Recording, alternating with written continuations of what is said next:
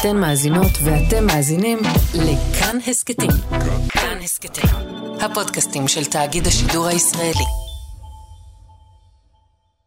שנה קשה עברה על משפחת עמוס עוז. בדיוק לפני כשנה פרסמה בתו האמצעית של הסופר גליה עוז את ספרה דבר שמתחפש לאהבה, בו היא טענה לשגרה של התעללות סדיסטית מצד אביה. לפני כחודש פרסם בנו הצעיר של הסופר, דניאל עוז, את אוסף צדפים, ממואר הגנה על זכרו של אביו, ועכשיו ספר שלישי, עמוס שלי, שכתבה רעייתו נילי על 60 שנות אהבה. אהבתם וחייהם המשותפים. אבל לא רק על משפחת עוז עברה שנה קשה, אלא גם על הציבוריות הישראלית בראי אותם ספרים שפורסמו, לא רק בגלל ניתוץ דמותו של מי שהיה מבכיריה של הספרות העברית, אלא בגלל שהספרים האלה שפורסמו חייבו רבות ורבים לבחור צד. אנחנו מאמינים לגליה, אנחנו מאמינים לנילי, פניה או דניאל. לא רק עמך ישראל הביעו דעתם תחת כל עץ רענן, במין חובה של ציד הזיידגייסט, רוח הזמן והתקופה, אלא גם בשנה האחרונה חווינו מטפלות ומטפלים רבים בתחומי הנפש, שיצאו קבל עם, עולם ורשתות חברתיות וחוו דעה מקצועית, טיפולית, על אדם שהם מעולם לא טיפלו, אדם שכנראה מעולם גם לא פגשו בו, אולי במקרה הטוב כמאזינים בהרצאות שהוא נתן, או כקוראי ספריו. על זה בדיוק נדבר עכשיו, על מקצוע הפסיכולוגיה, שהראה בשנה האחרונה צדדים פופוליסטיים שבליבם נשיאת חן בעיני ההמון, פעם קראנו לזה פסיכולוגיה בגרוש. נברך לשלום את הדוקטור מירב רוט, ראש התוכנית לפסיכותרפיה באוניברסיטת תל אביב, מחברת הספר "מה קורה לקורא", התבוננות פסיכואנליטית בקריאת ספרות. בוקר טוב לך, דוקטור רוט. בוקר טוב. אני שמח שאת נמצאת איתנו הבוקר. נברך לשלום את הפרופסור גבי שפלר, פסיכולוג קליני ופסיכואנליטיקאי, דיקן בית הספר לתארים מתקדמים במכללה האקדמית אחווה. בוקר טוב גם לך. בוקר טוב, בוקר טוב. ונברך לשלום את הפרופסור ענר גוברין, פסיכואנליטיקאי מהתוכנית לפרשנות ותרבות באוניברסיטת בר אילן ופסיכולוג קליני. בוקר טוב גם לך, פרופסור גוברין. בוקר טוב. הדוקטור רוט, נתחיל איתך אה, ברשותך. אה, עד כמה את כועסת על דברי הפתיחה שלי? בדיוק תהיתי אם אני רוצה את השם שלי מיד אחרי הביטוי פסיכולוגיה בגרוש. Mm-hmm. אני לא כועסת בכלל, אני חושבת שאנחנו באמת הוזמנו לתוך איזו קלחת אה, שהיא במידה מסוימת לא לנו. אה, ואני חושבת שהדבר הזה הוא, הוא תופעה שמעניין אה, להתבונן בה קצת ממעוף ציפור ולא אה, להיבלע בה. ואני חושבת שאולי שאלה ראשונה, וזה מעניין אותי יותר כחוקרת ספרות מאשר כפסיכולוגיקאית או גם וגם, זה האם בכלל מדובר בטקסטים ספרותיים. אתה יודע, יש כאן שורה של טקסטים. Mm-hmm. אני חושבת שהסופר הוא באמת עמוס עוז. אני קראתי אתמול בנשימה אחת את הספר של נילי, שהוא ספר חם, ולזכותה ייאמר שהיא לא, לא מדריכה תיירים בספר שלה, היא תיירת בטקסט שלה, שזה כבר יותר ספרותי. אבל ברגע שאנחנו מוזמנים לאיזה פמפלט, לאיזה עדות, שאנחנו אמורים להכריע בה עם מי אנחנו נמצאים, אז אנחנו כבר לא נמצאים בזירה של הספרות. Mm-hmm. הספרות פועלת עלינו, הקוראים, כשיש בה סוד, כשיש בה ספק, כשהדמויות עגולות, מורכבות, משתנות, ואז אנחנו, הלא מודע שלנו יכול לעבור איתן תהליך. ובמובן הזה אני חושבת שאנחנו בזירה אחרת. את אומרת אפילו בזירה שלא לנו, ועל זה נדבר בעוד רגע ברשותך. אני רוצה לעבור אליך, פרופסור שפלר, אתה לשעבר יושב ראש ועדת האתיקה של הפסיכולוגים בישראל. האם לא היה רגע בשנה האחרונה, לדעתך כמובן, שאולי עולם הפסיכולוגיה היה צריך לצאת החוצה ולהגיד, אנחנו יודעים שכולכם קראתם, אנחנו יודעים שכולכם שמעתם, אנחנו יודעים שכולכם צפיתם, אבל אתם לא, זה לא המקום שלכם להביע עמדה פסיכולוגית על אדם שלא פגשתם אף פעם? אה, קודם כל, כן. אני חושב שהכלל המקצועי וגם הכלל האתי הברור הוא שבכל עניין חיווי הדעת, אה, מה אני עושה עם רשמים או עם ידיעות שאני מקבל ואוסף אה, תוך כדי עבודה מקצועית, יש להם מקום אחד, ורשמיי המקצועיים בזירה לא מקצועית לא יכולים להיחשף כרשמים מקצועיים. Mm. למה הכוונה? אה, אסור, אסור, אסור אין לי מילה אחרת, יותר חזקה מזה. אסור, לא ראוי, לא אתי, אה, לעתים אפילו לא חוקי, להביע דעה בטייטל שלי כאיש מקצוע, שאומנותו היא מקצוע החקר הנפשי והטיפול בנפש, להביע דעה על מישהו שלא פגשתי. זה פשוט דעה מקצועית, mm-hmm. זה פשוט לא נכון, mm-hmm. זה פשוט לא נכון. אני יודע שזה שם לפעמים uh, בדילמה מקצועות או אנשים שעוסקים למשל בניתוח היסטוריו-פסיכולוגי של דמויות uh, אה, דמויות ידועות כן, מעולם כן, המנהיגות, כן, מעולם בוא, המוזיקה וככה. בוא נעשה, פסיכואנל... אה, אה, בוא נעשה פסיכואנליזה לפוטין, כן? זה, זה משהו שיכול לקרות למשל, היום. כן. למשל, כן. או מה שהיה נורא, אני רוצה להזכיר, מה שהיה נורא פופולרי ונורא ואיום בעיניי, לעשות אה, אבחון לבגין, אם הוא כן בדיכאון, אם הוא לא בדיכאון, בימים שהוא היה עוד מנהיג. אה, אני חושב שמי שלא פגש אותו, אסור לו לעשות את אבל, זה. אבל לא ענית לי, הפרופסור שפלר, מדוע לא שמענו את, ה, אתה יודע, את הגופים שיצאו החוצה אה, ויגידו... זה, צריך, זה באמת צריך לשאול את הגופים, אני אינני יודע, אני חושב שהיה ראוי שהגופים שמזהים חברים מתוכם, אה, אנשי מקצוע שמזוהים, בתוך הגופים האלה. צריך בין סוגריים, לפתוח כאן סוגריים ולומר שה... מקצועות בריאות הנפש הם מקצועות שמבחינה ארגונית מפוצלים מאוד. Mm-hmm. יש המון קבוצות מקצועיות, mm-hmm. והרבה פעמים אה, אה, אחת מהנחות הרווחה של חלק ממנהיגי קבוצה אחת, כשהם שומעים על איזשהו אירוע לא מכובד שעושה חבר מקבוצה אחרת, הוא לא משלנו, mm-hmm. אז אנחנו לא מתערבים בזה. אבל אני חושב שכללית אתה מאוד צודק, אני חושב שהמקצוע היה צריך להתנער. צריך לשאול את עצמנו למה זה בכל זאת קורה. אני חושב שיש כאילו איזה פיתוי למ, מאוד למה גדול. זה, למה זה קורה? מדוע אנשי מקצוע בכל זאת התבטאו? נכון, אתה יכול נכון, לשאול אותי, נכון. זה נורא נורא פשוט, כולם רצו לייקים. זו התקופה שאנחנו חיים. אז כיוון שאני אינני בפייסבוק בתור איזה מין דינוזאור מקצועי, כי אני חושב ששוב, חיי הפרטיים והחברתיים הם לא נחלת הכל, והפייסבוק בהחלט חושף את זה יותר מאשר דברים אחרים, אז אני משתדל להימנע מזה. אה, לשאלתך, בכל זאת, אני חושב שהיה ראוי ש... אה, איזשהו קול מקצועי מרכזי ומקובל פחות או יותר אה, יצא כנגד התופעה, mm-hmm. כיוון שבאמת, מתי טקסט, כפי שמירב אמרה, מתי טקסט הופך להיות מהנחיית דרך לעדות, ליצירת אומנות, וחוזר חלילה ולממואר, mm-hmm. זה פה קטונתי, פה וגם, מירב. וגם אם הוא ממואר, אז זה רק ממואר, נכון? נכון, נכון. הדוקטור רוט? כן, בהחלט. גם אם זה ממואר, זה רק ממואר. נכון, נכון. נכון. אני רוצה עכשיו... לעבור, אני, רק שנייה ברשותך, פרופסור כן, שפלר, כן. אני רוצה לעבור אל הפרופסור גוברין. אתה אומר, אולי בניגוד, אבל תתקן אותי כמובן אם אני טועה, אתה אומר שפסיכולוגיה במהותה בעצם, בניגוד למדעים מדיוקים, מדויקים, בניגוד לביולוגיה ופיזיקה, פסיכולוגיה כולנו עושים. גם אני עושה פסיכולוגיה אה, לבעלי, ואולי גם לקולגה שלי שאומר לי שיש לו בעיות בבית.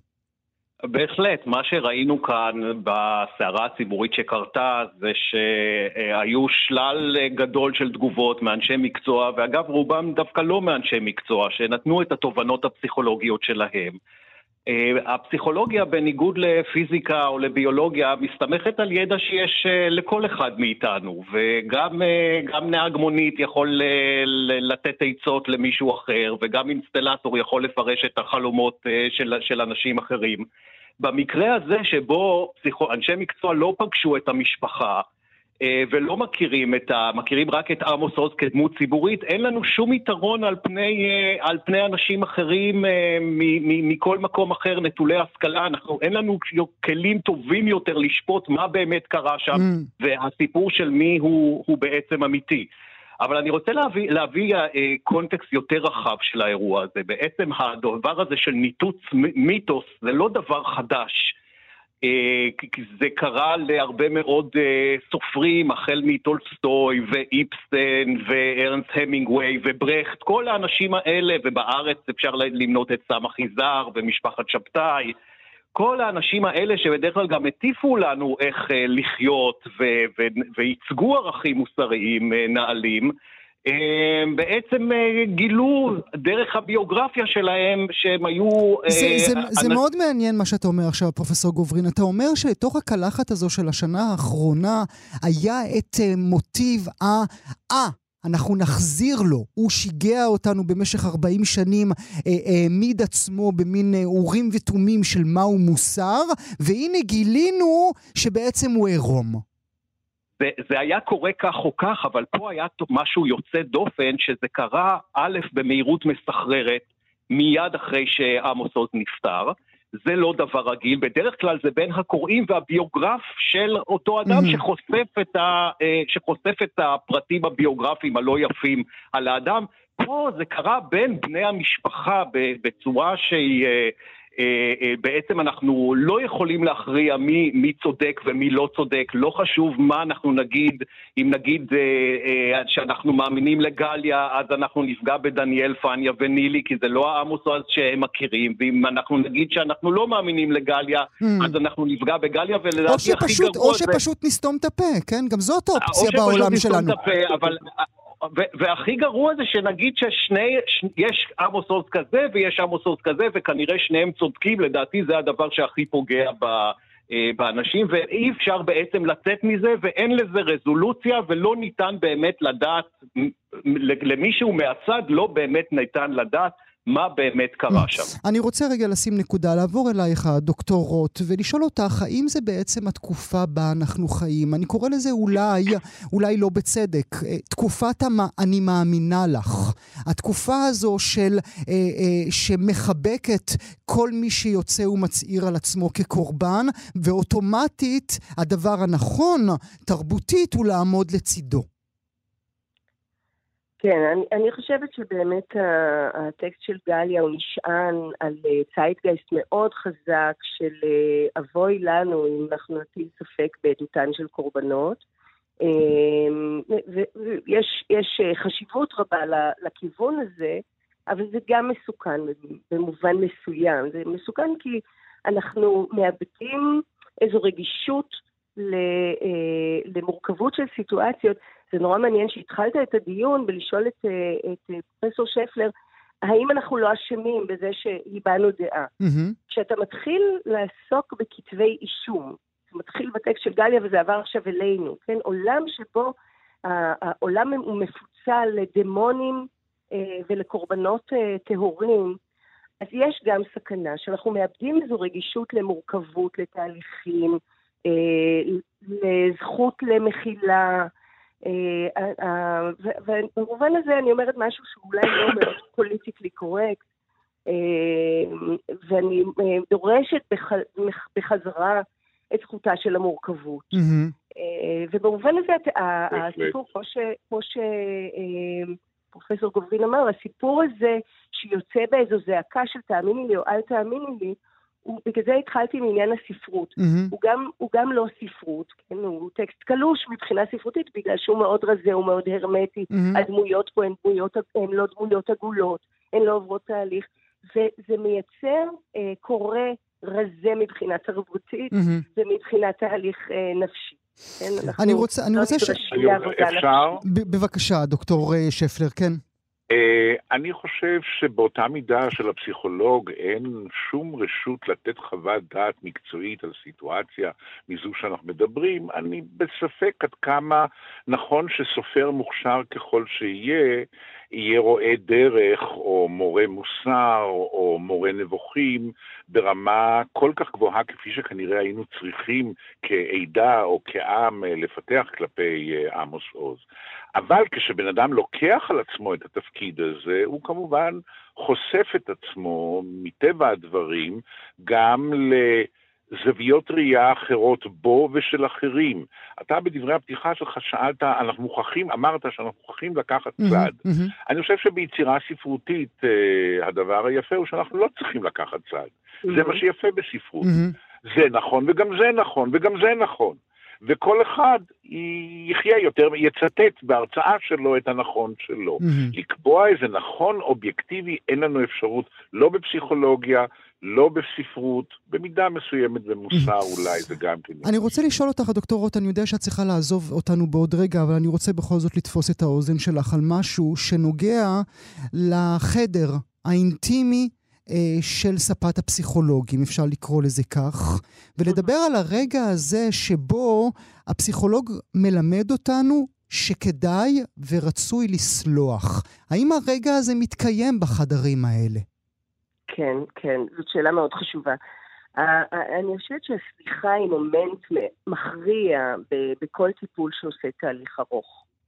אתה יודע, קראתי עכשיו, יש ספר אה, חדש של מירב השרוני שנקרא הולכת פנימה, שהיא עברה גילוי עריות מאביה. והיא עושה מסע של גיבורה בדמותה, ובאיזשהו רגע הגיבורה הזאת, אחרי שהיא עושה בית דין של מעלה לאבא שלה, באיזשהו רגע היא אומרת, היא נתקלת ב... ב, ב אה, כתוב של סטפנוס הקדוש, שהיה היהודי הנוצרי הראשון שסקלו אותו, שהוא אה, אומר סלח להם, אומר לאלוהים סלח להם לפני שסוקלים אותו. ואז היא אומרת, הבנתי, התהליך שלי הוא תהליך של סליחה. בחורה שעברה גילוי עריות מאביה, כן? והיא עושה שם תהליך נפשי ארוך. התהליך הנפשי בטיפול, אה, אה, אנחנו לא, אה, לעולם לא מלמדים למחול. Mm. אבל בדרך כלל, אם עושים את כל המסע אל העברות הבינלאומיות. אבל זו מטרה שלכם כמטפלים? זו מטרה שלכם כמטפלים, הדוקטורות? לא, אה, זו מטרה במובן שאתה יודע שאז האדם עבר את כל, ה, את כל הסיבוב, כן? אם הוא מצליח לראות כבר לנפשו של האב שהתייתם בגיל 12 ו- וכן הלאה וכל... ואם אפשר למחול להורים, אנחנו מוחלים גם לעצמנו. כל עוד אנחנו לא מוחלים להורים, אנחנו נמצאים באיזה אה, לפותים. בתוך עולם שהוא עולם באמת של אה, קורבנות ותוקפנים, mm-hmm. של, אה, אה, של ייסורים, ייסורים, באמת, אתה ליבי במובן הזה על גליה, של ייסורים של כתבי אישום. אפשרות המחילה היא באמת היחלצות מהמקום הלפות הזה למקום יותר רחב, שפשוט רואה פשר, גם במהלכים המכאיבים ביותר שההורים שלנו עשו לנו. ולכן אנחנו מייחלים בתהליך טיפולי משמעותי וארוך שנים, אנחנו מייחלים שאדם יגיע למקום... אבל, אבל, אבל, אבל אז... אם, אם אפשר אבל להוסיף אז, משהו... כן, בבקשה, הפרופסור גוברין. הערה קטנה, אני, אני מאוד מסכים עם אה, דוקטורות שזו בהחלט המטרה של הטיפול, אבל יחד עם זה יש טראומות שלא ניתן למחול עליהן, mm. ושאנחנו רואים שתהליך הפיוס הוא פשוט לא אפשרי. Uh, הפגיעה היא כל כך uh, uh, גדולה וקשה, בין אם היא ככה אובייקטיבית mm-hmm. ובין אם היא רק mm-hmm. בחוויה של האדם. היא גם לא שלא... לא היררכית, נכון? היא, היא, היא פר אדם, כן. היא גם פר אדם והיא פר חוויה, ואי אפשר, אנחנו אגב ראינו את זה פה במקרה, במקרה הזה, שעמוס עוז עשה הרבה מאוד כנראה ניסיונות mm-hmm. להתקרב לביתו ולפייס אותה, וכתב על כך ב, ב, ב, ביומן שלו, mm-hmm. ושיתף חברים והתייעץ, וזה לא קרה. אה, כך שזה בהחלט הדבר האופטימלי, אבל לעיתים המציאות היא אחרת וזה פשוט לא אפשרי. ואולי זה מביא הייתי אותנו... אומר, הייתי אומר, אפשר? כן, בבקשה, פרופסור שפר. בצורה הזאת, mm-hmm. הייתי אומר שסליחה או מחילה היא אחת האופנויות של שינוי. אני חושב שבטיפול... אנחנו מבקשים בסופו של דבר לחולל שינוי ביחס של אדם לעצמו, ביחס של עצמו לאחרים, לא תמיד היחס, השינוי הוא בא ממצב של הייתי קורבן לעוולה לכיוון של סליחה, אלא, אני יודע, סיטואציות אחרות שבהן נדמה היה לי שלא מספיק שמו לב אליי, או נדמה היה לי... או הרגשתי, חוויתי סובייקטיבית אה, אה, מועדף פחות, או מאוים יותר, או משהו כזה. זאת אומרת, אני לא חושב שהשינוי בהכרח, אני חושב שסליחה היא, אה, היא מקרה פרטי של תהליך שינוי אה, שצריך גם לקבל בצורה מאוד ברורה, כמה שאנחנו יודעים וכמה שאנחנו לא יודעים בפסיכולוגיה, אה, ששינוי יכול להתרחש ויכול גם לא להתרחש, יכול גם להתרחש לרעה, גם זה צריך לקחת בחשבון. אז נדבר רגע על ההתרחשות לרעה, כמו שאתה אומר, ואשאל אותך, הדוקטור רוט, לגבי האם יש בעולם שלכם היררכיה של כתבים. ולמה אני מתכוון? פעם כשקראנו את הספרים ולמדנו, הכותבים נשענו על פרויד. היום ההישענות בספרים שונים, גם בספרים האלה עליהם אנחנו מדברים, היא הישענות על מין ספרות פסיכולוגית. לא נגיד דרג א', גם לא נגיד דרג ח', אולי משהו באמצע. ו- ואני תוהה האם אותם ספרים פופולריים מאוד עושים בעינייך חסד או צדק עם המקצוע שלכם. אני, אני, ברשותך, רגע אחד עוד אתייחס לעניין הסליחה, ואז אני אענה לך. אתה מרשה לי? בבקשה. כי, כי, כי אני חושבת כן שחשוב לי לומר שזה נכון שאנחנו לא בהכרח נסלח ישירות לאדם המעוול. והנר מאוד צודק, אה, פרופסור גוברין מאוד צודק. אנחנו לא בהכרח נסלח בישירות לאדם המעוול, אבל אני חושבת שתהליך טרנספורמטיבי, כמו ששפלר מדבר עליו, תהליך של שינוי, הוא כרוך באפשרות למחול. זה יהיה כבר לא לאדם הפרטיקולרי, זה יהיה לעצם המבנה של הקיום האנושי, לזה שיש עוולות בעולם. על זה אנחנו סולחים. כן, אנחנו מקבלים את דין הקיום, את טבע הקיום האנושי, שכולל את העוולות, כמו שאנחנו מקבלים את זה שיש צונאמי ושיש uh, מלחמות. אני חושבת שבאיזשהו רובד עמוק, אם לא תהיה איזושהי קבלה ש... והבנה שאנחנו חייבים למחול על הח... לחיים על זה שהם נראים כפי שהם נראים, ולא נמשיך לתבוע מהם להיות מה שהם לא יכולים להיות ולא יכלו mm-hmm, להיות, mm-hmm. אנחנו לא נוכל ליצור שינוי, זה, זה נראה לי חשוב. Mm-hmm. ולש... ובהמשך לזה, לשאלתך על ספרים פופוליסטיים, אני חושבת שהם בדרך כלל יותר קריקטורים ב... אה, בדרישות שלהם מן הקורא, אה, במובן שיש בהם תשובות יותר חד משמעיות ויותר פשטניות. ואולי זו הסכנה למקצוע שלכם, הדוקטורות? אני לא חושבת שזו סכנה למקצוע. אתה יודע, בזמנו כשהיה את ה-New Age, אמרו, מה ה-New Age, כולם uh, I love you, ואני משווה נשמה שלי mm-hmm. וחיים שלי וכולם. ואני אומרת, לא, זה עושה שירות טוב לאנשים שהם אה, אה, עדיף שיצמדו לטוב מאשר יצמדו ל... זה הנחיות, mm. כן? אבל הספרים, לא... הספרים עליהם אנחנו מדברים הם ספרים אה, מעולמות ההורות רעילה, כן? שמלמדת אותנו שיש הורים שאליהם לא נוכל לחזור אף פעם, נשענים על התורה הזו וכותבים ספרים אחרים. אז, אז תמיד, אה, תמיד, תראה, עמוס עוז הרי מספרים בתוכנית הזאת של דניאל ופניה, שעמוס עוז כותב בצד המון המון הערות קורא, ומתפקח. ומגיב, ומנהל דיאלוג, ראינו את זה בעובדה של אילנה דיון, כן. בדיוק, בדיוק. אז תלוי גם מה אתה עושה עם הספר, אבל זה לא באמת סיכון, זה פשוט ספרות אחרת, זה לא, זה לא עומד על אותו מדף בספרייה. אה, אני אשחרר אותך, דוקטור רוט, אני אמשיך עם שני הפרופסורים שלנו. תודה רבה לך שהיית איתי הבוקר. אני רוצה לשאול... אני רוצה לשאול אותך, פרופסור גוברין, אה, ברשותך, מה זה עושה לנו כחברה, כתרבות, בשנת 2022, כשכולנו יודעים לצטט בעל פה מה זה גז לייטינג, ומה זה גברים רעילים, ומה זה הורות רעילה? כולנו נהיינו מומחים לכל מיני מונחים ומושגים פסיכולוגיים שאמורים היו להישאר בחדרים שלכם. לכם. כן, זה, זה משהו שכבר לא ניתן להתנגד אליו. זה עידן של אה, רשתות חברתיות, שבהם אנשים אה, מוצפים במידע אה, פסיכולוגי, טכנולוגי, סוציולוגי, מכל הסוגים, ואנשים מרגישים שהם יכולים לעשות בו שימוש. והמונחים האלה כבר מזמן הפסיקו להיות ה... אה, אה, הנחלה רק של, ה, של הפסיכולוגים המקצועיים, ולא ניתן להתנגד לזה. מה שאני חושב, ובהמשך לדברים שמירב אמרה, שהתפקיד של הפסיכולוג האחראי הוא באמת להעלות את המודעות למורכבות של הדברים, mm-hmm. כן? למשל, במקרה הזה, אמ, אפשר למשל להראות, יש את חוקרת מאוד מאוד ידועה של זיכרון, שנקראת אליזבת לופטוס. שהיא דיברה על כך שהזיכרון והדמיון הם אחיות תאומות.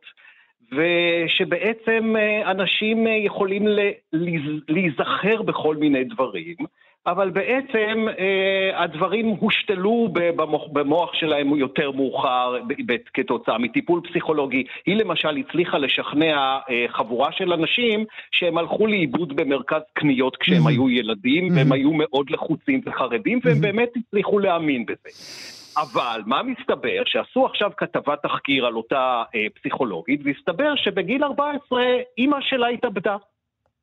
ו... ולמה זה רלוונטי ש... לסיפור שלנו?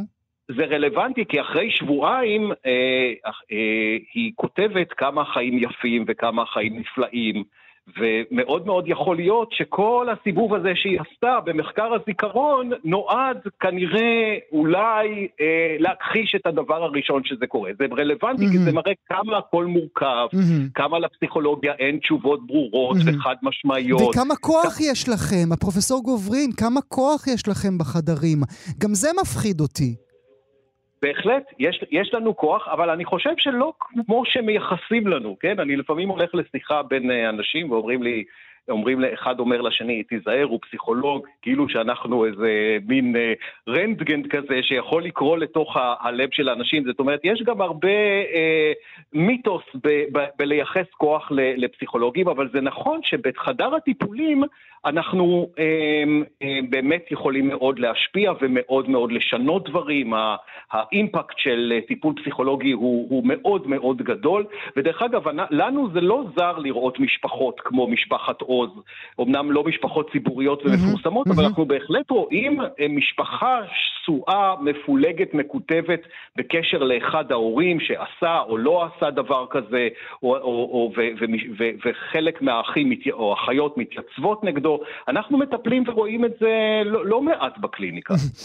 אני רוצה מילה לסיום שלך, פרופסור שפלר, אה, ברשותך. הפסיכולוגיה היא, היא צעירה, נכון? כמה חגגתם? 100, 120 שנים, פחות או יותר? 120 שנה נניח. 120 שנים חגגתם. אתה, זה, המצב שאליה הפסיכולוגיה הגיעה היום, לשם קיווית שהיא תגיע, או שזו מטוטלת, יום אחד היא למעלה, יום אחד היא למטה? אה, תשמע, אני לא קיוויתי כי אני לא הייתי בהולדתה, אה, אני לא בן 120 אמנם, אבל לא לילד הזה פיללתי. אה, אני לא, תראה, אני חושב שאנחנו בתהליך, אני חושב שאנחנו בתהליך התפתחותי מעניין מאוד. אני חושב, אני לא יודע, נתחים נכבדים מאוד ממה שאנחנו מתייחסים אליו היום כאל עובדה, התבררו כלא בדיוק עובדה, והמציאות המקצועית והפנימית והמדעית תיראה אחרת. אני חושב שאחד הדברים, אפרופו הדברים שנאמרו, וגם בהקשר של המשפחה בעין הציבור או בחדר האינטימי של חדר המשפחה, אני כן חושב שלפחות החלקים הטיפוליים שבהם אה, התאמצו וחקרו ולמדו והטיפו ולימדו את חשיבותה של האינטימיות וחשיבותה של ה... אה, חשיבותו מאוד גדולה של התא, של החדר, איך קראת לו, החדר עם ספת הפסיכואנליטיקאי, mm-hmm. החדר הסגור, שהכל נשאר בתוכו, היא משתנה היום, כי אנחנו, החיים של רבים מאיתנו, כמו שציינתי, אני לא בדיוק שותף לזה, אבל החיים של כולנו אה, מתנקזים לתוך ציבוריות שהיא בטלפון או במחשב או בענן. אני חושב שלא מספיק נעשה אה, במקצוע בינתיים נעשים מאמצים, אבל לא מספיקים להבהיר איך אפשר לשמור על אותם היתרונות של האינטימיות mm-hmm. גם בעידן ה... הפתוח הזה, mm. בעידן השקוף ב- הזה. בעידן הכל כך לא אינטימי הזה. טוב, אנחנו... הכל uh, כך לא אינטימי. אנחנו, אנחנו uh, ניפרד לשלום, נודה לכם על הדברים האלה. נזכור uh, שהזיכרון והדמיון החיות תאומות הן. הפרופסור גבי שפלר והפרופסור ענר גוברין, אני מודה לכם שהייתם איתי הבוקר. תודה שהזמנת אותנו. אתן מאזינות ואתם מאזינים לכאן הסכתים. כאן הסכתים, הפודקאסטים של תאגיד השידור הישראלי.